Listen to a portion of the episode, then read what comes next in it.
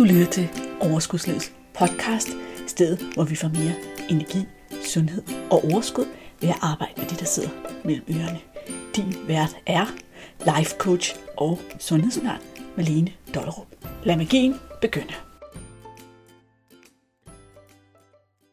Hej, i dag der skal vi tale med dagens gæst, som hedder Camilla Lærkelsen. Vi skal dykke ned i det der med at være introvert. Camilla hun er måske den person i Danmark, som har gjort mest for at tale om lige netop det her emne. Camilla er selv introvert og har debatteret og fordybet sig i emnet siden 2014. Og så har hun en kandidat i retorik og journalistik, og jeg er retoriker, coach og foredragsholder. Bare nogle ting, jeg tror jeg.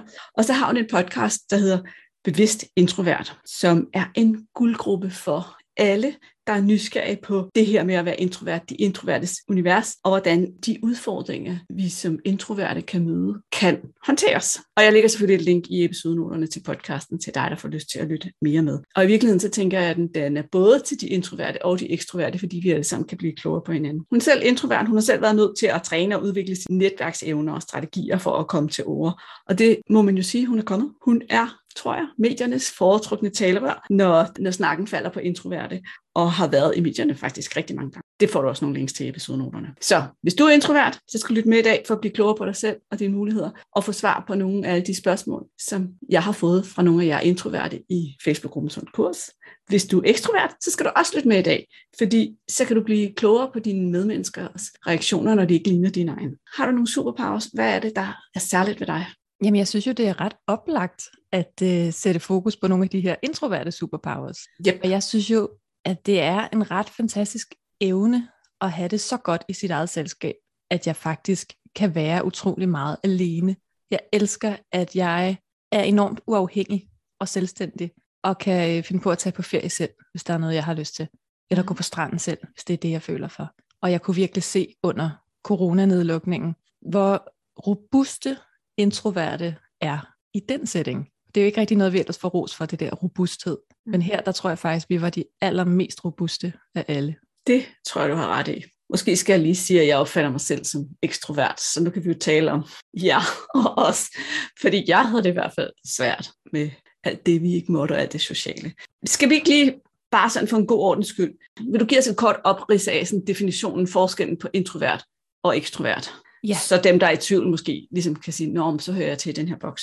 Ja, og der er jo også rigtig mange, der definerer det forskelligt, så, øhm, så lad os bare lige tage den, og, og i hvert fald den, jeg vil ikke sige den læsning, jeg har, fordi det er jo teoretikere, jeg lægger mig op af, men de tager jo også øh, udgangspunkt i nogle forskellige ting. Så jeg tager lige sådan en overview. Mm. Og det er faktisk nemmest at starte med de ekstroverte, fordi ekstroverte får deres energi af dels at være sammen med andre. Der er mange, der definerer introvert og ekstrovert afhængig af, om de får energi med mennesker eller uden mennesker. Men der er bare mere til det end det, fordi jeg får også energi af at være sammen med mennesker. Det er jo bare øh, folk, jeg kender godt.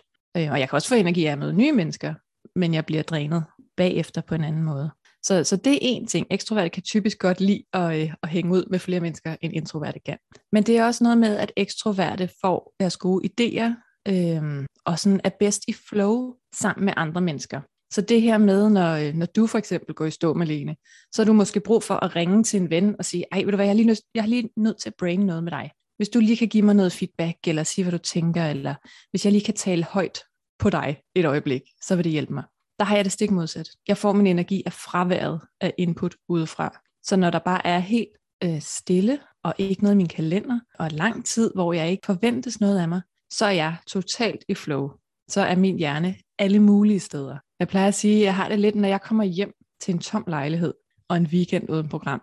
Der går samme rush igennem mig, som der går igennem andre mennesker, når den der første tone i en rockkoncert, den starter. Det der rush, der går igennem publikum, det er wow. fuldstændig sådan, jeg har det, når jeg bare kommer hjem alene, og der er ingenting. Det kan være en svær ting at definere, fordi hvordan definerer man ingenting? Det er simpelthen fraværet af stimuli, der, øhm, der gør det for introverte. Det er jo, ja, det giver rigtig god mening. Det er en meget fin og simpel forklaring. Der var en, der spurgte ind i gruppen, om det er muligt i løbet af livet at skifte type. Kan man skifte fra ekstrovert til introvert eller omvendt? Jeg møder rigtig tit den her med, der er rigtig tit nogen, der siger til mig, at de har skiftet. Altså de har været det ene, og nu er de det andet. Sådan helt grundlæggende, hvis man kigger på personlighedstraits, så kan du ikke skifte over, hvis du er født introvert. Jeg har for eksempel lavet et interview med Anna Vedel, som har en Ph.D. i psykologi, og som arbejder med Big Five, som er fem af de store træk, hvor introvert og ekstrovert, det er en af de skalaer, man arbejder med. Og hun siger, at man kan altså ikke udskifte personligheden.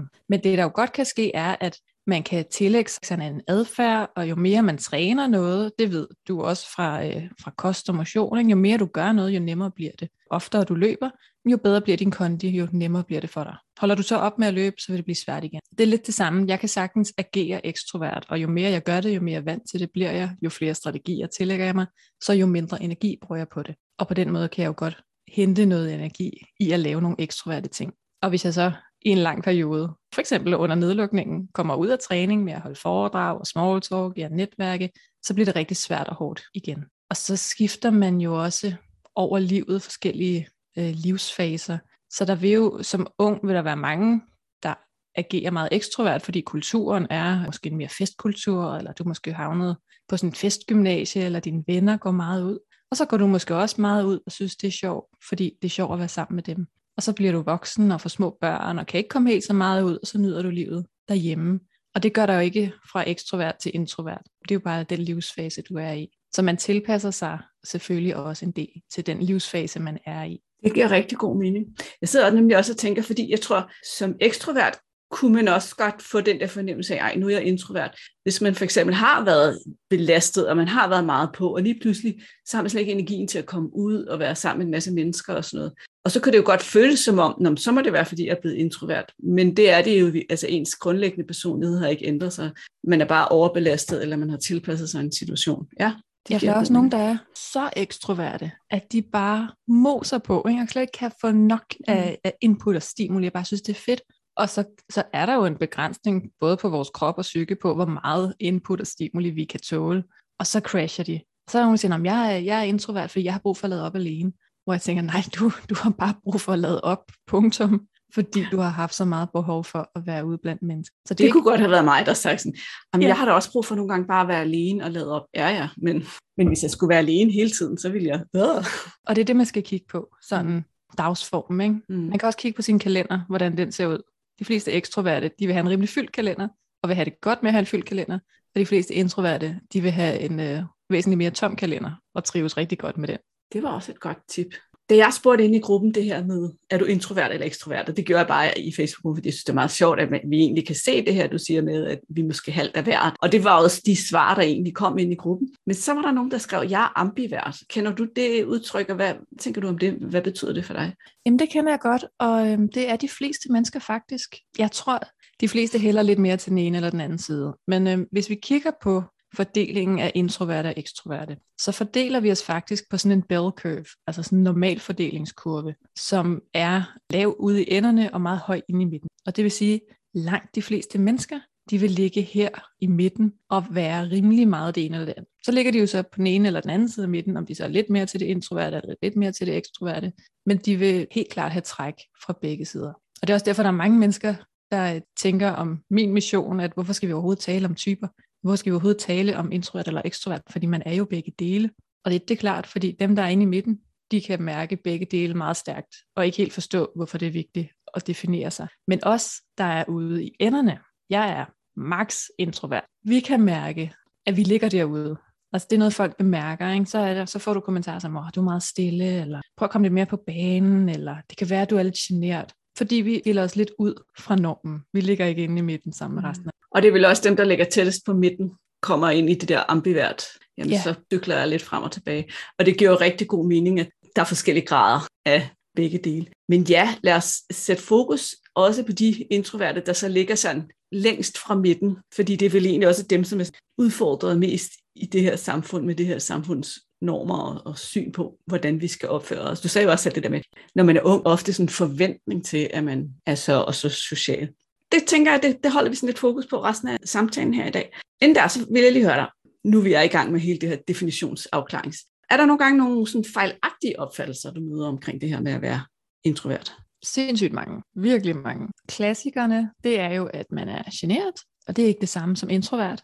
Generet, det er sådan en frygt for at blive bedømt, og introvert er ikke bange for at blive bedømt. Vi trækker os bare for at få ro på nervesystemet og undgå stimuli. Mm. Så er der øh, en anden klassiker, der hedder, at man er arrogant.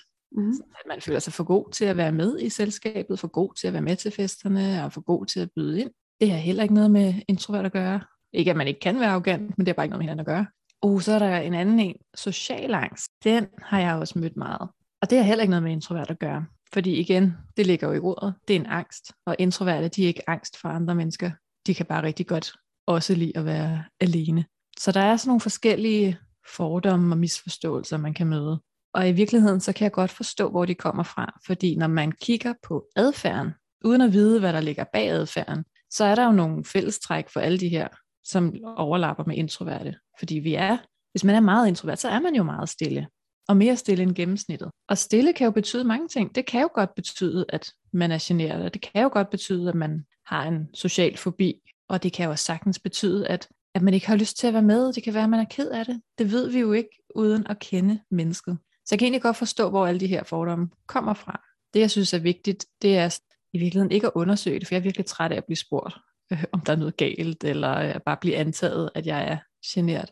Men hvis man sådan prøver at kigge på, på helheden for det her menneske, det er det, der er vigtigt. Ja, det giver god mening. Men hvorfor, spørger vi, hvorfor er det, at der er så mange introverte, der hele tiden bliver spurgt, er der noget galt? Hvad sker der?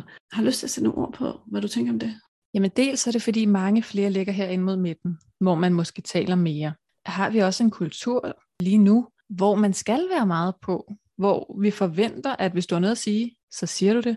Og selvfølgelig har du noget at sige, fordi alle mennesker har vel et eller andet, de gerne vil sige. Fordi vi hele tiden slås om ordet på de sociale medier og til møder og alle mulige steder, kan man hele tiden være på og ytre sin mening. Og så bliver det pludselig lidt mærkeligt, når nogen bare er stille. Og så tror jeg også, det handler om, at man kan blive utryg, når der sidder nogen i rummet og er stille, fordi man ikke ved, hvad der foregår. Fordi man ikke ved, hvad de tænker. Det skal man som introvert vide, at det kan godt gøre nogen utrygge. Det kan især gøre de ekstroverte utrygge, når du er stille. Og det betyder ikke, at det er forkert at være stille, men det er bare super vigtigt at være bevidst om, at det er sådan, andre mennesker kan reagere på det. Så det vigtigste, for at kunne forstå hinanden, er vi nødt til at kommunikere, er vi nødt til at forstå hinanden. Giver det mening? Det giver rigtig meget mening. Har du så nogle strategier, altså hvor du ligesom, nu bruger vi coaches jo det der pre-frame over, ikke? hvor du ligesom upfront måske siger, jeg er sådan en der, eller det her ikke forventer mig, eller gør du noget ud af at tage det i opløbet? Ja, nogle steder. Hvis det er kontekst, hvor jeg enten skal være meget, hvis det er en kunde, jeg ved, nu skal jeg måske ud og sidde på deres kontor en eller to dage om ugen i en periode, så kan jeg godt finde på at sige det. Eller hvis jeg kan mærke sådan en eller anden utryghed, eller undren, eller øh, de virker sådan lidt afventende på mig, så kan jeg godt finde på at adressere det. Fordi det netop afmystificerer lidt. Og jeg synes ikke nødvendigvis, man behøver at kalde det introvert. Jeg synes, man kan sige, at jeg er sådan en, der lige tænker en ekstra gang over tingene, så I vil måske opleve mig som stille, eller det kan være, at I sidder og undrer jer over, at jeg ikke siger noget. Det kan også være, at I har brug for at høre mere fra mig. Hvis det er det, I går med, så lad mig det lige vide, hvis I går og tænker sådan noget. Jeg har nemlig også prøvet en gang at have, ja, som studentermedarbejder, der var jeg lige startet og stod i elevatoren med min nye chef, der siger, at de andre synes også bare, at du er så sød. Og så sagde hun, altså lidt stille, sagde de godt nok. Men så sagde jeg til dem, Camilla, det er man jo lige i starten. Og jeg tænkte, åh, oh, oh. der ligger en forventning her til mig, om at jeg bliver mindre stille. Jeg havde tværtimod gjort mig rigtig umage for at byde ind og ikke være stille. Så for mig ville det helt klart gå den anden vej. Jo mere tryg jeg blev, jo mere stille ville jeg blive, fordi jo mindre ville jeg kunne holde den der appearance i at være så meget på. Og der gik jeg simpelthen ind til hende og sagde, jeg hæftede mig lige ved det der. Jeg har bare brug for lige at sige, hvis jeg, hvis jeg bliver for stille for jer, så må I godt sige til.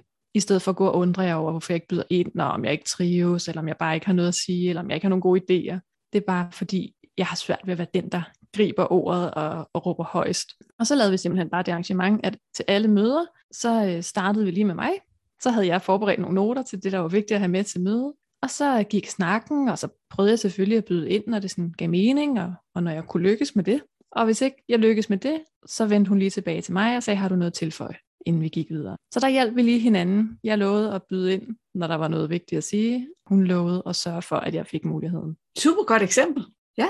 Har du nogle, nogle træk eller egenskaber eller væremåder, som andre mennesker egentlig ikke forbinder med at være introvert? Det er sådan ja, lidt nysgerrig på, hvad du tænker. Foredrag for eksempel. Ja, jeg tror egentlig, jeg har mange, som folk ikke forbinder med introverte. Jeg tror heller ikke, der er noget sådan ikke-introvert ved at være foredragsholder, fordi jeg kan jo bruge en øh, kæmpe energiudladning på at være på på den måde der. Altså jeg har jo adskillige gange simpelthen gået hjem med migræne bagefter. Det er så meget energi, det nogle gange kræver. Det, den introverte del af det er, at jeg går hjem bagefter og er helt flad, og også er det næste dag. Jeg talte på et tidspunkt med en, som var ret ekstrovert, som sagde, men jeg, jeg blev også træt efter et foredrag. Altså jeg går da også lige hjem, og så skal jeg lige sådan gå med noget musik i ørerne og lige støvsuge en gang, før jeg er klar igen. Ja, ja, og forskellen er så, jeg skal lige have en hel dag, hvor der ikke skal ske mm. noget, før jeg er klar igen. Mm. Men er det så det værd, synes du? Altså når der er så stor en energiudladning, så du skal bruge mere end en dag, og nogle gange få ondt i hovedet og sådan noget. Hvorfor ja, har du valgt det? Det er simpelthen fordi budskabet er så vigtigt. Det er faktisk fordi, jeg, når jeg kommer ud, så møder jeg folk, som enten ikke vidste, at der var noget, der hed introvert, eller altså på en eller anden måde ikke har følt, at de måtte være på den måde, de er.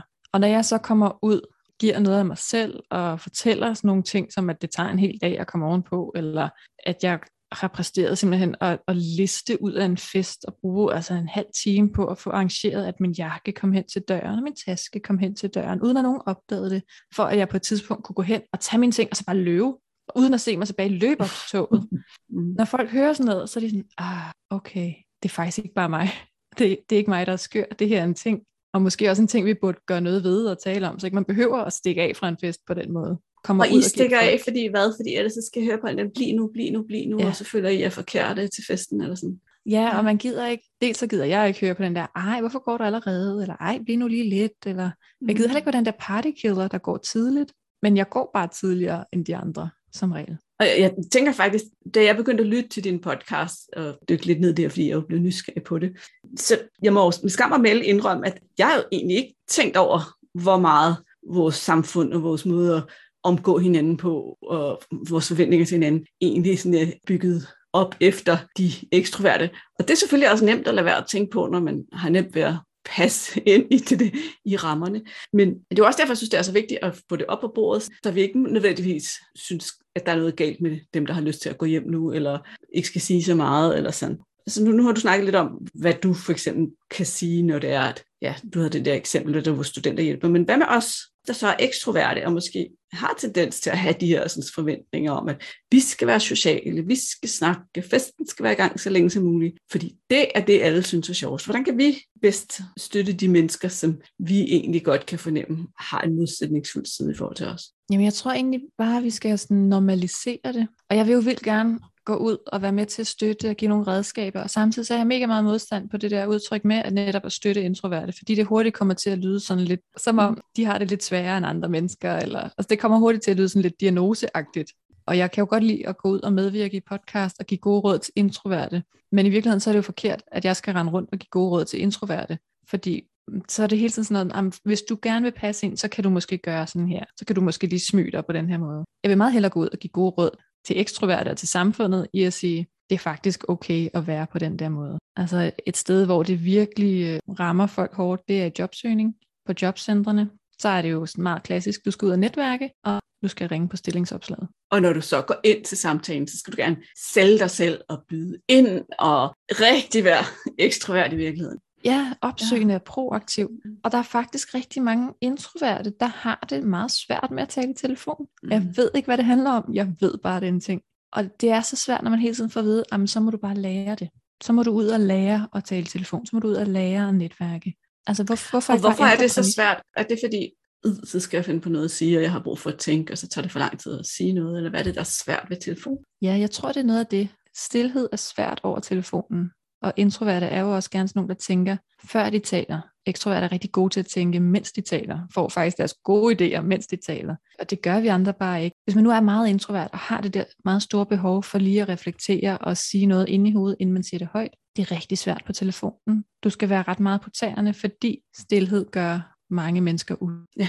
Bastian Overgaard skrev den her fantastiske bog om stillhed, på møder, stillhed i ledelse, hvor han har sådan nogle fantastiske eksempler. Han har simpelthen altså noget data også på det. Nu kan jeg ikke huske tallene præcist, men på hvor hurtigt det går, for at folk bliver utrygge i stillhed. Og der går virkelig ikke ret langt. Altså det er det sekunder, vi taler om. Så hvis du er sådan en, der tænker over tingene, og du har en i røret, så går der ikke ret længe, før de begynder at sige, øh, hallo, er du der? Så jeg ja. tror, det er sådan noget, og man ikke helt har forventningsafstemt, hvis man skal ringe op til en, der ikke ved, man ringer. Ja, jeg, er ikke, øhm, jeg har heller ikke sådan fundet den evidensbaseret data på, hvad det er, der sker med introverte og telefonopkald. Men jeg har samlet ganske meget empiri gennem årene på, at det er en ting, at det er virkelig svært. Jeg synes, det er lidt tageligt bare at sige til introverten, så må du bare lære det. Eller så må du bare prøve, så må du bare øve dig. Eller du skal ringe på det her jobopslag. Altså jeg kan dårligt nok ringe til min egen pizzamand og få det rigtige med hjem. Jeg bliver så befippet, at jeg har fået bestilt alt muligt mærkeligt. Børnepizza og forkerte fyld, eller ikke fået sagt, at der ikke måtte være tomater. Ja, folk synes, det er træls, når jeg ringer efter pizzaen, fordi det er ikke det rigtige, vi får med hjem. Det er jo en lille smule skægt, det der eksempel. At du bliver så befippet, så du bestiller en børnepizza eller sådan men, men det rammer mig også lidt, så jeg tænker, wow, jeg, jeg har lige et øjeblik lidt svært ved at hovedsætte mig i pizzamanden. Og det er jo så fordi, det alligevel er så langt fra min verden. Ja. Så derfor er det super interessant at få de der eksempler. Ja, altså, det... Fordi en ting er det der jobopslag, vi skal ringe på. Det, jeg tror, det synes vi alle sammen er lidt ubehageligt. Ikke? Vi skal sådan præstere lidt og snakke med et fremmed menneske. Vi skal sætte os op. Men pizzamand, altså. Ja. Jo, så jeg synes, det kunne være sjovt, hvis man sådan hele tiden vendte den lidt om. Ikke? Så i stedet for, at man sagde til introverte, ej, hvorfor går du ikke ud i aften? Hvorfor ikke være lidt spontan og gå ud i aften? Tænk, hvis man sagde til en ekstrovert, har du overvejet at være lidt spontan og aflyse dine planer i aften? Hvad med at tage en aften derhjemme? Kunne det ikke gøre noget for dig? Og det tror jeg, det kunne. Eller i stedet for at sige, ej, det er nemmere lige at tage et opkald. Kan du ikke bare lige hurtigt, et hurtigt opkald, så er det klaret. Tænk, hvis vi vender tilbage og siger, ej, kan jeg ikke få dig til at sende en lang detaljeret mail? Gider du ikke gøre det? Fordi det er jo min præference.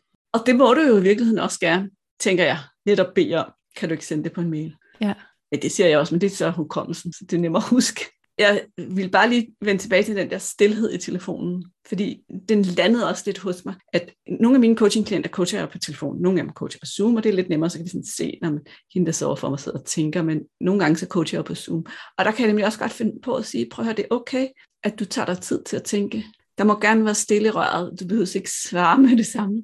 Det er netop for lige at bryde den der forventning til, når vi har en telefonsamtale, så skal jeg hele tiden sige noget. Mm. Og nogle gange, når vi arbejder med vores hjerne, så har vi jo lidt at brug for. Jeg tror jeg også, de ekstroverte nogle gange brug for lidt klap i at tænke et lag dybere. Ja, det tror jeg også. Mm, spændende. Jeg føler allerede, at jeg lærer noget, og jeg tænker også, at dem, der lytter med, de lærer en hel masse. Hvad er din bedste strategi for at være tro mod dig selv og det der behov for alene tid? Ja, hvad er min bedste strategi? Ja, det er sådan en intro, ting, ikke? så sidder jeg her og tænker, jamen det er nok, jeg er blevet ret god til at lytte til min krop. Jeg kan nærmest mærke det i hele kroppen, når det er ved at være tid til at trække mig. Eller hvis der er noget, jeg ikke har lyst til. Så det her med virkelig at få mærket efter, at jeg bruger tiden på det rigtige. Ikke at sige øh, ja af pligt, men ja af lyst. Og det er virkelig svært. Jeg tror, introverte som vel som et ekstroverte kender det her med at få en invitation til et eller andet nogle måneder eller uger frem i tiden, og man tænker, jamen det gider jeg da godt. Og når vi så når derhen, så tænker man, det gider jeg da faktisk ikke. Der har jeg fået sådan en lille trick, der hedder, kig på din invitation, tænk, gider jeg det her i morgen? Fordi hvis ikke jeg gider det i morgen, så gider jeg heller ikke om tre uger, selvom det forekommer mig at være en god idé lige nu. Og jeg har bare lavet det nummer så mange gange, hvor jeg har sagt ja til et eller andet, hvor jeg egentlig tænkte, åh, jeg gider ikke rigtigt, men det burde jeg nok gøre, eller det ville være det rigtige at gøre. Netværksarrangementer, eller fødselsdage, hvor jeg ikke kender nogen andre end fødselaren, og tænker, man bør jo komme. Og når dagen så kommer, så tænker jeg, ej, hvor har jeg fortrudt. Enkelte gange har jeg simpelthen bare kunne mærke i hele min krop, den der modstand mod, det skal jeg bare ikke det her. Det var så meget mod, hvem jeg er, at sige ja. Jeg har en enkelt gang præsteret at gå hele dagen og tænke, ej, jeg kan ikke tillade mig at bakke ud, jeg kan ikke tillade mig at bakke ud, jeg skal tage med til det her arrangement. Og jeg lagde mig op og tænkte, gid jeg havde migræne, så jeg kunne blive hjemme. Kan jeg fremprovokere en migræne? Har jeg?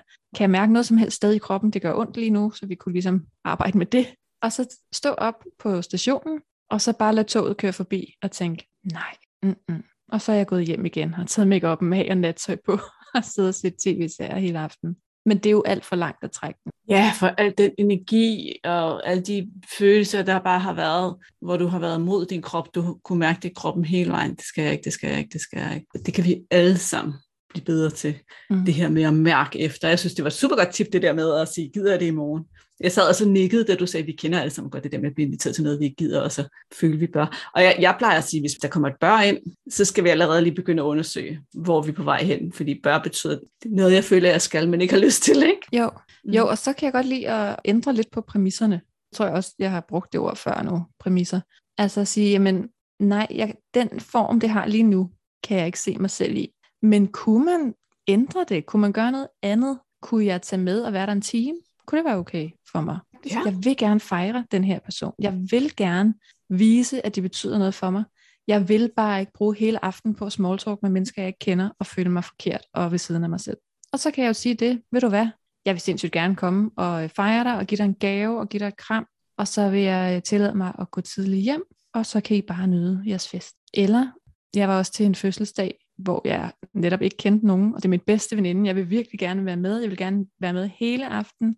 Men jeg kunne også mærke, at jeg følte mig også lidt som et dræn på de andre, fordi de har kendt hinanden i så mange år. Så de havde en helt anden jargon kørende.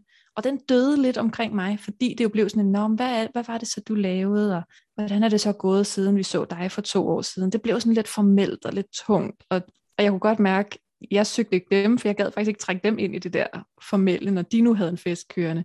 Og jeg kunne ikke helt følge med i den fest, fordi jeg kendte ikke jargonen. Og der tænkte jeg, der skulle jeg jo simpelthen bare have spurgt, om ikke jeg måtte tage en ven med. Altså en, som jeg var tryg med. Fordi så kunne vi også komme lidt op i det der energiniveau, og så kunne jeg bedre matche den fest, de havde kørende. Så da min veninde spurgte til min fødselsdag, om hun måtte tage en veninde med, fordi hendes kæreste ikke kunne komme, der nåede jeg lige at være sådan, jeg vil da ikke have et fremmed menneske med til min fødselsdagsfest. Så tænkte jeg, jo, jo da, det var jo lige præcis det, jeg manglede. Og hun tog en veninde med, og det var faktisk en, jeg kendte, og det var bare så fedt. Og de to, de rockede dansegulvet hele aftenen.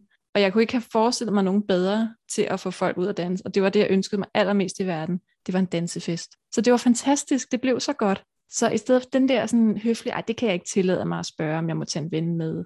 Hvis det giver en tryghed, go for it. Super fede tips. Elsker det. Kan ændre præmissen, og hvad, hvad vej skal jeg så gå? Og så må vi spørge noget mere. Det tror jeg, vi alle sammen skal være bedre til. Spørg. Tak for det tip. Det landede også lige godt hos mig. Kan jeg ændre præmissen? Jeg tænker, vi skal tage hul på nogle af de spørgsmål, som jeg har fået fra de her sådan, næsten 3.000 kvinder, som er inde i Facebook-gruppen Sund Kurs. Udover dem, jeg allerede lige har listet ind. Der var en, der spurgte, hvordan lader du op? Jamen, jeg er jo så privilegeret, at jeg øh, har adgang til en hest, jeg kan låne. Så jeg rider faktisk rigtig meget. Jeg rider rigtig meget i skoven. Fordi der er lige præcis det niveau af stimuli, jeg har lyst til. Der er øh, stille, uden at være helt stille, og det der med bare sådan at kunne være et med hesten og fokusere på, på den og på den der kemi, vi har, og så ellers bare nyde fuglefløjt og blå himmel. Det, øhm, det gør jeg rigtig meget. Det er simpelthen Camilla lige ind i stikkontakten der. Fuldstændig. Ja. Og det er jo sådan noget, jeg kan have en tendens til, når jeg har rigtig travlt, så er det det, jeg lader være med, fordi det jo ikke er noget, jeg nødvendigvis skal. Men det er virkelig det, jeg skal huske at prioritere. Fordi det er jo også der, jeg er totalt i flow og får alle mine bedste idéer. Alle de bedste forretningsidéer, jeg nogensinde har fået, det har været på den hest. Det er det dummeste at spare væk. Og sådan lige for sådan en øh, ride knold, som ikke ved så meget. Kan man gøre det hele året? Ja, ja. sagtens. Og så var der en anden, som skrev det her med at have sådan en følelse af at være lidt sær, når det føles ubehageligt, og har mest lyst til at sige nej tak til arrangementer. Hvordan bliver den der følelse håndterbar? Altså den har jeg jo haft rigtig meget. Og især inden jeg vidste, der var noget, der hed introvert. Altså der kaldte jeg det så socialt handicappet, for det troede jeg, jeg var. Men, så jeg forstår virkelig den der følelse af særhed. Men jeg synes, det er vigtigt at huske på, at når vi kigger på den der fordeling, så er halvdelen af os jo overvejende introverte. Så der er ikke noget sært i det. Og når man kigger ind i mine Facebook-grupper og private beskeder i indbakken, så er vi rigtig, rigtig mange, der har det på den her måde og har lyst til at sige nej til ting. Så det er jo igen noget med at få talt højt om det, fordi vi er rigtig mange, der ikke vil med til de der sociale arrangementer. Men vi er bare ikke så mange, der siger det højt. Og jeg tror også, vi er rigtig mange, der måske kommer med en lille hvid løgn, fordi det er nemmere at sige, ej, ved du hvad, jeg kan ikke, øh, den der firma sommerfest, det lyder jo rigtig hyggeligt. Desværre så skal jeg hente svigermor i lufthavnen den aften. Så super ærgerligt. Og hvis man nu bare sagde, ved du hvad, det er simpelthen ikke for mig. Det er ikke rigtig min stil, men jeg vil glæde mig rigtig meget til at høre om jeres fest på mandag. Så tror jeg bare, at man vil føle sig mindre sær. Der er heller ikke ret mange, altså ligesom jeg sagde, jeg stikker af fra festen, jeg siger ikke farvel, fordi jeg gider ikke være hende, der ødelagde feststemningen ved at gå tidligt. Jamen jeg ser jo ikke alle de andre, der sniger sig ud af døren. Jeg kan jo godt se, at festen er blevet mindre, når jeg kigger efter. Men jeg lægger ikke mærke til alle os, der sniger os. Jeg tror bare, vi skal tale mere om det. Det, og det synes jeg er så fint, fordi det er sådan også meget i min ånd, det her med, hvis vi står ved, hvordan vi har det, og hvem vi er, og hvilke behov vi har, og vi alle sammen gør det, så bliver det også meget nemmere at navigere i verden. I ja. stedet for, at jeg tror, at du vil, og du tror, at jeg vil have dig til, og alle går og gætter på hinandens tanker, og ingen siger, hvad de i virkeligheden har brug for. Ikke? Ligesom du siger, spørg om du må tage en ven med, i stedet for, at jeg skal gætte, at det kunne være en god idé for dig, eller du ikke tør. Eller... Vi, vi bruger alt for meget energi på at gætte hinandens tanker, tror jeg, og alt for lidt energi på bare at sætte ord på, her er jeg, og det er okay. Ja. Og det var ja. også derfor, jeg lavede den der podcast, Bevidst Introvert, for at få nogle stemmer på nogen, der gør det her. Altså og også nogen, vi måske kender fra, altså der er forfattere, og vi har set dem debattere på bogforum, eller vi har set dem på fjernsynet, eller vi har set dem bygge en, en stor forretning, og tænker, åh, oh, de kan bare det der. Og så er det så fedt at høre sådan en som Anne Skare, som jo bare er totalt på og udadvendt, og altså virkelig kan jeg fange et rum. Altså, hvor mange introverte sider hun har, at hun også virkelig debatterer, siger sådan, holder bestyrelsesmøde med sig selv, når hun får en invitation, og gemmer sig på toilettet og sidder og læser artikler på telefonen derude, bare for lige at få en breather. Det var simpelthen så rart at se, Gud, der er så mange dygtige, inspirerende mennesker, der er fuldstændig ligesom mig. Så i virkeligheden kan vi jo også sige til hende, der spørger her, tag lige og lyt til nogle af episoderne af e-, Bevidst Introvert, hvor du bliver præsenteret for en masse mennesker, som har det også sådan, og får at vide, hvordan de håndterer det. Jeg synes jo, Anne Skar er et super godt eksempel, fordi hun netop er så meget på og er meget sådan fængende, når du møder hende, eller bliver præsenteret for hende. Er der andre, du sådan lige kan komme i tanke om, folk måske bliver overrasket over at vide, er introverte? Jamen, så er der faktisk sådan en som Manu Seren, har jeg også ja. talt med. Og han har jo lige øh, skrevet en bog om ADHD og er blevet formand der i, nu kan jeg ikke huske, om den hedder ADHD-foreningen. Ja, men, det gør den. Ja. ja. Så han virker jo heller ikke som en introvert, men han beskrev det bare så fint, det der behov for alene tid, og den der stress, han kan opleve, når han har sine venner over, og bare sidder og tænker, du skal snart gå hjem. Du skal snart gå hjem, fordi jeg, jeg kan ikke mere, og jeg vil ikke mere. Jeg har brug for, jeg har brug for et udløbstidspunkt på den her aftale. Så jeg kan godt forstå den der skamfuldhed, når det er jo vores venner og familie, hvor man tænker, du skal gå nu. Jeg vil ikke mere.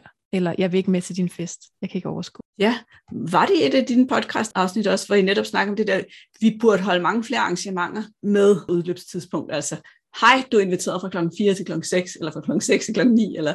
Ja, det tror jeg. Det synes jeg, jeg har talt om. Jeg kan simpelthen ikke huske med, hvem det var. Nej, men det, det er fordi, jeg kan også mærke, at jeg blander det sammen. Jeg har faktisk også coachet et par stykker på det her med at netop kunne sige, jamen, hvis I får det. Det er forskellen på, om du går og er helt træt i låget og, og tænker over, at du skal have gæster, eller du kan glæde dig. Jamen, så find ud af, hvordan kan du sætte rammerne op og sige til gæsterne, det er fra det til det.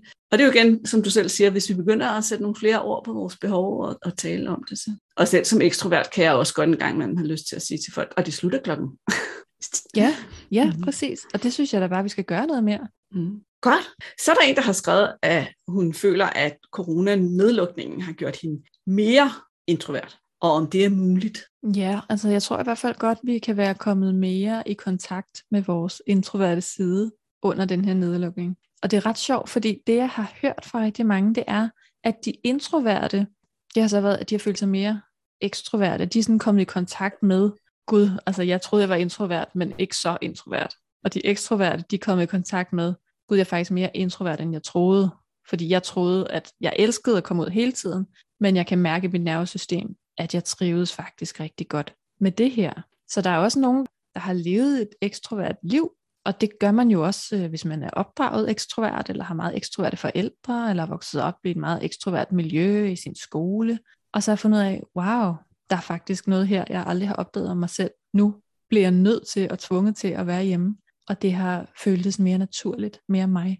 Så jeg tror, der er mange, der har fundet nogle nye sider af sig selv under nedlukningen, og i virkeligheden måske har bevæget sig mere ind mod midten. Og det siger Jung også faktisk, at det gør vi. Carl Gustav Jung, som fremsatte de her begreber i 1921, siger, gennem livet, så vil vi gå mere mod midten, mere mod et center. Og finde vores egen balance. Men, men der er jo i det hele taget noget mega interessant over den der coronanedlukning. Hvad den gjorde ved os alle sammen, hvad den viste os, hvad vi lærte af den, og hvordan nogle ting måske fra nu af er forandret for evigt. Ikke? Altså folk har taget deres måde at leve på op til revision på en eller anden måde, fordi de blev tvunget til at leve på en anden måde og prøve det af. Jeg synes, det er mega spændende, men det er en anden snak. Men så kommer jeg til at tænke på det forældre. Du, du, du lige sagde, hvis man har ekstroverte forældre og sådan er opdraget, sådan, er der noget arveligt i introvert og ekstrovert? Ja, det er der. Altså, det er sådan cirka 50-50 faktisk på øh, arv og miljø. Så du kan helt klart have arvet nogle introverte gener, men afhængig af, hvilket miljø du er vokset op i, så kan du sagtens farve det. Der er lavet sådan en spædbarnsstudie, hvor man har fulgt 400 børn, fra de var helt spæde, og så op gennem deres ungdomsliv hvor man simpelthen startede, udsætte dem, siger jeg i gåseøjne, for nogle forskellige stimuli. Stærk lugt, eller en høj lyd, eller en masse fremmede ansigter, og så ligesom set, hvordan reagerer de på det her. Og så var der nogen, som skreg og græd meget, sparkede meget, reagerede meget kraftigt på det her, og øh, nogen, der nærmest ikke reagerede overhovedet, og så var der nogen, midt imellem. Og der kunne man så se, at dem, der øh, reagerede meget, det var dem, der voksede op og viste sig at være introverte, fordi de blev overstimuleret af alle de her input og fremmede ansigter. Og øh, dem, der reagerede meget lidt, det var de ekstroverte, for de var faktisk ikke rigtig stimuleret, eller de var sådan lidt understimuleret. Og dem, der var midt imellem, det var dem, der voksede op og blev ambiverte. Mm. Og så har man så fulgt dem gennem forskellige forsøg, fået dem til at tale med fremmede, og så har man interviewet forældrene om, hvordan er de i skolen, og hvordan er de med vennerne, hvordan er de derhjemme. Og så har man så sammenlignet med den familiekultur, de voksede op i. Og der kunne man se, at dem, der ligesom startede ud som spæde i introvertgruppen, hvis de voksede op i et ekstrovert miljø, så blev de også mere ekstroverte, end de introverte, der voksede op i et introvert miljø. Så det er nogle ret spændende studier. Ja, ja det er sådan helt, så man kan knække med hjernen sammen. Og så er der noget arv, så er der noget påvirkning. Er dine forældre introverte eller ekstroverte? Jeg tror, min mor er lige så introvert, som jeg er. Min far, mm. han er nok mere 50-50, fordi han kan i virkeligheden have lige så meget modstand på at, at skulle ud og lave en masse nyt, som jeg har. Det tager en krig, fordi så møder han alle mulige. Ja, så, så der er buffer i mit liv. Fordi jeg kan da huske som barn, at hvis jeg var på legepladsen, og godt ville lege med de andre, men ikke rigtig kunne finde ud af at initiere kontakten, så kom han lige ind og var wingman på den. Så der var okay. det dejligt at have sådan en ekstrovert far, der, der lige kunne gå hen til de andre og sige, Nå, hvad laver I, og hvad hedder I, og prøv lige at se her, og så kunne han lige sådan få os i gang med et eller andet sammen. Ja, så det benyttede du dig egentlig af. Det var ikke sådan, du gør det på hans måde selv, eller hvordan? Nej, det tror jeg egentlig ikke, at jeg gjorde. Og jeg har jo mm. heller ikke tænkt over det. Han har jo bare, han har bare set behovet, og så gjort det. Men hvor jeg tænker, hvis han havde været lige så introvert, som jeg er, jeg ville have svært ved at gå ind og gøre det. Nu har jeg ikke nogen børn, men jeg vil have svært ved at gå ind og gøre det. Ja, det må de selv klare. Ja, sådan tror jeg, jeg har det ja, lidt. Ja. Spændende. Okay. Der er en, der spørger dig, at det er som om, der er sådan en kamp mellem de ekstroverte og de introverte. Øh, hvorfor skal man ses som asocial, hvis man er introvert? Og det ligger vel egentlig meget godt op af noget af det, vi allerede har snakket om. Men har du lyst til at sætte nogle flere over, eller give noget mere svar til hende, der spørger om det? Ja, fordi man skal jo ikke ses som asocial. Og jeg synes faktisk også, det er lidt synd, der er sådan en kamp mellem ekstroverte og introverte. Og nogle gange så bliver det sådan lidt noget mod og kast. Og det er super ærgerligt, fordi egentlig så synes jeg jo bare, at vi skal lære om hinanden, og vi skal lære af hinanden. Fordi det skal heller ikke være sådan, at man ikke vil være som de andre. Jeg tænker jo netop, at vi kan lære noget af hinanden. Jeg har et ret sjovt eksempel med en meget ekstrovert forbindelse i mit netværk. Og første gang jeg mødte hende, der var hun så god til at spørge ind og sådan have den der begejstring, som jeg kan have svært ved sådan at mestre. Det var så hyggeligt og nærværende, at virkelig et godt møde. Hun spurgte ind til, hvad jeg lavede, og på det tidspunkt, der var jeg ved at læse min kandidat, men journalistikdelen, så jeg gik ud på Journalisthøjskolen. Ej, og der havde hun også gået, og super fedt, og hvilke underviser har du, og hvad skriver du om? Og, og hun havde aldrig færdiggjort den, så fik hun arbejde, og overvejede nogle gange at gå tilbage. Vi talte om, at min kæreste skulle møde mine forældre den dag, og det var lidt spændende, og ja, vi talte bare sådan mange også personlige ting, og jeg følte virkelig sådan, da jeg gik derfra, wow, jeg har ikke bare altså, fået en netværksforbindelse, jeg har fået en relation, altså det er jo næsten en veninde. Og næste gang jeg mødte hende, så sagde hun, hvad laver du så til daglig? Det brød bare hele illusionen, fordi jeg følte jo virkelig, at vi var tæt. Og så sagde hun... Og du egentlig du havde svaret på alt det her? Ja, så sagde hun, har du så en kæreste? Jeg tænkte, ej, det er løgn. Kan du slet ikke huske den her samtale? Men det var, fordi hun var så god til at skabe relation. Uh, hun har så måske ikke kunne huske samtalen, fordi jeg ikke har været god til at skabe relation. Fordi jeg var god til at huske informationen. Jeg kunne huske alt om hende, men hun kunne ikke huske noget om mig. Så hun var rigtig god som ekstrovert til at, at skabe relationen. Jeg var rigtig god som introvert til at behandle dataen. Og der kunne jeg jo lære noget af hende i virkelig at, at gå ind i det der, den begejstring, der kan være i at møde et nyt menneske, hvor jeg kommer til at gå lidt i defensiven og begynder sådan at, at tage data ind og huske, hvad hun har sagt, og huske, hvem hun er, i stedet for bare at være i nuet og spørge ind til hende, lige så livligt, som hun spurgte til mig. Og hun kunne jo så have dyrket sin introverte side og lige taget notits af det, der blev sagt, i stedet for kun at smalltalke for relation, hvor jeg jo kun smalltalkede for information. Og der havde vores møde jo bare været bedre, hvis vi havde lært lidt mere af hinanden. Det var en fantastisk pointe. Altså, og jeg tænker også, at vi kan alle sammen sætte os ind i det her med, hvordan det så er møde en, hvor man har siddet der og sagt, mine forældre skal møde min kæreste for første gang. Og det er bare fyldt så meget, og så næste gang du møder en, hvem er du? Agtig. Omvendt ja. så sidder du der med alle de der informationer, og hun har måske følt, at du nærmest ikke var interesseret i hende. Ja, præcis. Det tror jeg, hun har. Mm. Og derfor har hun jo heller ikke kunne huske mig, fordi for hende var der ikke nogen stærk tilknytning. Mm. Så det kan vi jo alle sammen begynde at være nysgerrige på, hvis vi sidder over for en, som sådan agerer meget anderledes end os. Hvad skal vi så være opmærksom på, og hvordan kan vi støtte dem, uanset om vi så er hende, der spørger, eller hende, der husker information. Ja, men det er jo derfor, vi kan blive opfattet som lidt asociale, ikke? fordi vi ikke har den der altid, den der høje sociale energi, men jo bare asociale på en anden måde. Jeg var social ved at, at huske, hvad hun havde sagt, men det vidste hun jo ikke. Nej. Er overvægten dine venner, er de så også introverte? De er ret 50-50 faktisk. Min allerbedste veninde, hun er super ekstrovert. Altså, jeg føler lidt, at hun bare samlede mig op første dag i børnehaveklassen, og så har holdt ved lige siden, og lov for det. Så der er ikke sådan et billede af, at vi ligesom samler os i grupper eller sådan? Ej, det er selvfølgelig også svært, især når vi nu vi snakkede om, at vi netop er på sådan en mere kurve ja. eller sådan. Ja, sådan en continuum i virkeligheden. Mm. For der er jo både den her med, at uh, lige børn leger bedst, men der er også modsætninger mødes. Ja. Så jeg, jeg tror, at begge dele kan have fordele og ulemper. Men i virkeligheden, så er der vel en eller anden pointe i at sige, at uanset hvilket setup vi har, om det så er ekstrovert, introvert, noget andet. Så det der med, at når vi samles som noget, at vi har nogle forskellige kompetencer og kan bidrage med noget forskelligt, giver som regel altid det bedste resultat. Ikke? Jo. Jeg vil lige læse det, det næste har skrevet. Jeg er ikke sikker på, at der er mere end det, du allerede har sagt. Men hun skal lige have lov at komme til ord. Jeg synes, det er svært at få lov at være introvert. Det er ikke populært at have behov for at finde glæde og energi i at være alene. Hvordan kan man tydeliggøre, forklare, retfærdiggøre det behov over for andre mennesker, uden at komme til at fremstå som en arrogant skid? Og det var meget sjovt, du også sagde det der arrogant. Ikke? Jamen, der har nok i sig selv. Fordi jeg kan godt lide andre menneskers selskab, men det tapper mig for energi, hvorimod jeg henter energi i eget selskab. Har du ikke allerede svaret på det, eller har du mere, du vil sige her? Ja, både og. Altså, fordi jeg tænker også, vi skal faktisk holde op med at forklare og forsvare. Altså fordi netop det der, jeg kunne godt tænke mig, at der var sådan lidt mere ligestilling mellem præferencerne. Og når vi altid, og jeg gør det også, går ind i sådan en rolle, hvor vi skal forklare og forsvare, så er der jo ikke ligestilling.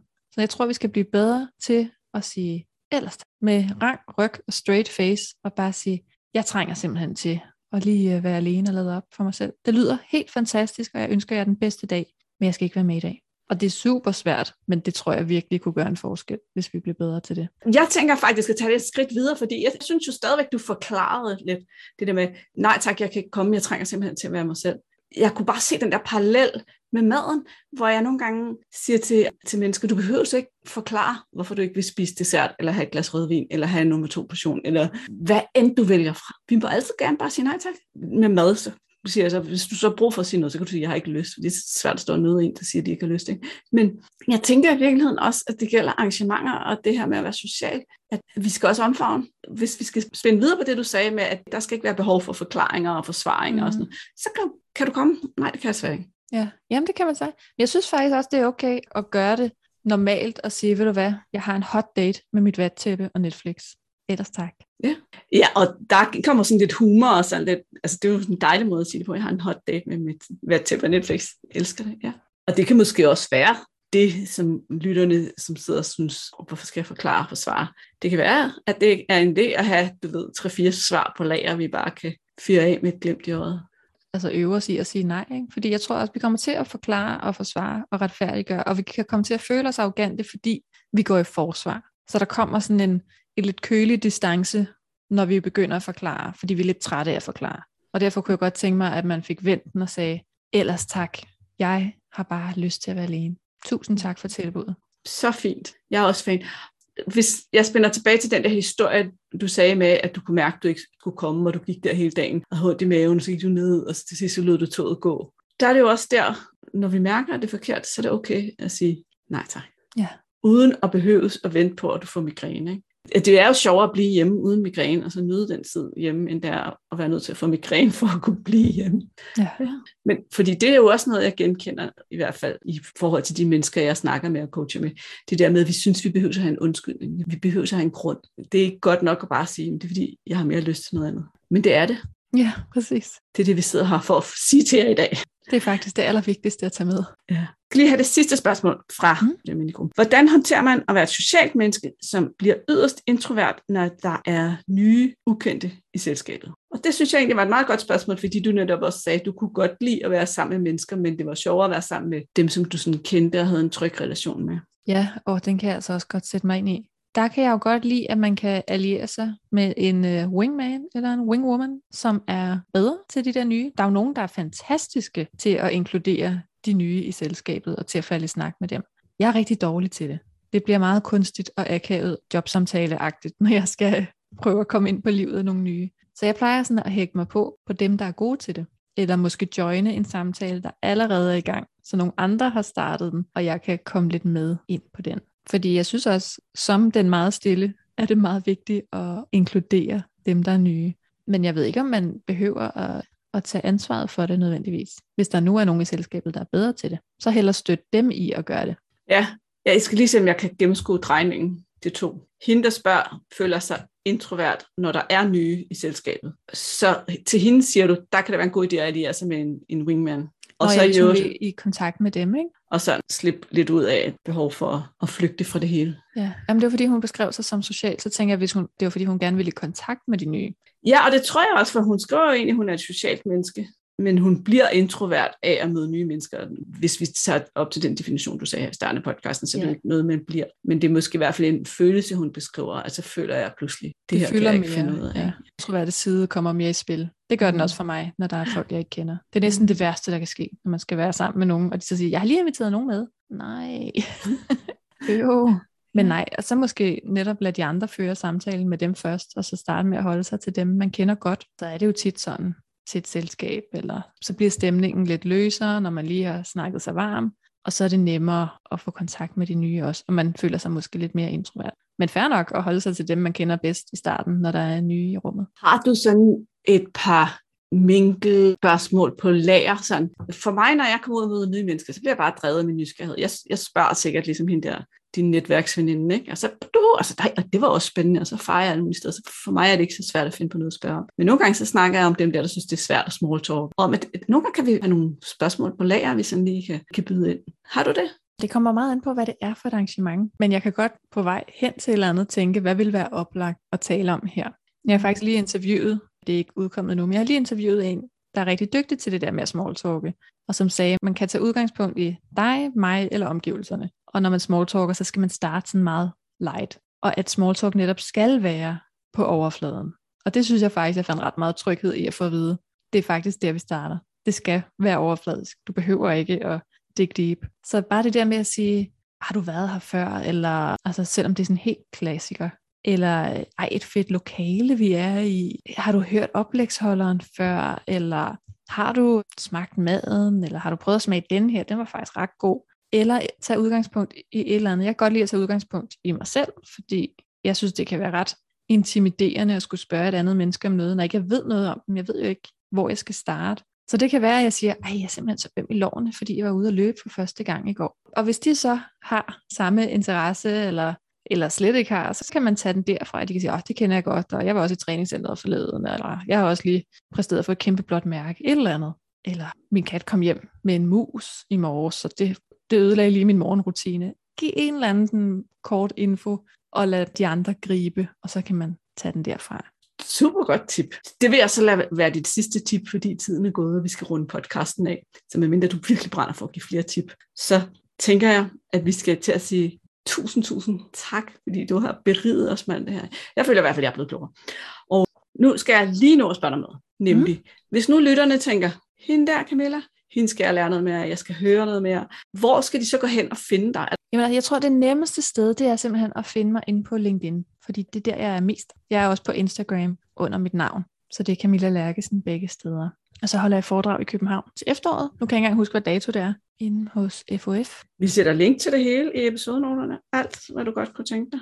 Så det er for københavnerne lige taget mig sammen til at arrangere åbne foredrag. Det er sådan et stort arbejde. Men hvis nogen inviterer, hvis man er i en fagforening, der kommer jeg rigtig meget ud, så, øh, så er det nogle gange lykkedes, at de har skrevet til fagforeningen og sagt, det kunne egentlig være meget fedt, hvis vi kunne få et event med hende her. Og så er det som regel kommet til at ske. Ja, så det var lige en opfordring til alle sammen. Så det kan man Jeres gøre. arbejdsplads, jeres fagforening, et eller andet. Præcis. Kan jo opfordre dem til at lave et event med Camilla. Inden vi runder af, er der noget, du gerne ville have været spurgt om, som jeg ikke har spurgt dig om? Nej, jeg synes, du har været virkelig godt omkring. Så jeg vil bare sige tak for invitationen. Tak, fordi du gad stille op, Camilla. Lige et ninja hurtigt indspark her på falderæbet. Efter jeg har lavet den her interview med Camilla, har hun udgivet en ny podcast, der hedder F for Fertil. Det er en helt fantastisk historie, hvor hun fortæller om, hvordan det er at være kæreste med en mand, der allerede har børn, og ikke vil have børn, og gerne selv vil have børn at tage nogle beslutninger, som er anderledes end dem, de fleste tager. Den skal du lytte til, uanset om du nogensinde har kæmpet med det her dilemma eller ej, så er den helt fantastisk. Jeg sætter et link i episodenoterne. Hej hej. Hey, inden du løber, glem ikke at abonnere på podcasten, så du ikke går glip af en eneste episode. Og skulle du have fingre i den gratis videotræningsserie Vægtab med din hjerne, så smut ind på overskudslivet.dk-videoserie, så lander den første video i din indbakke i dag.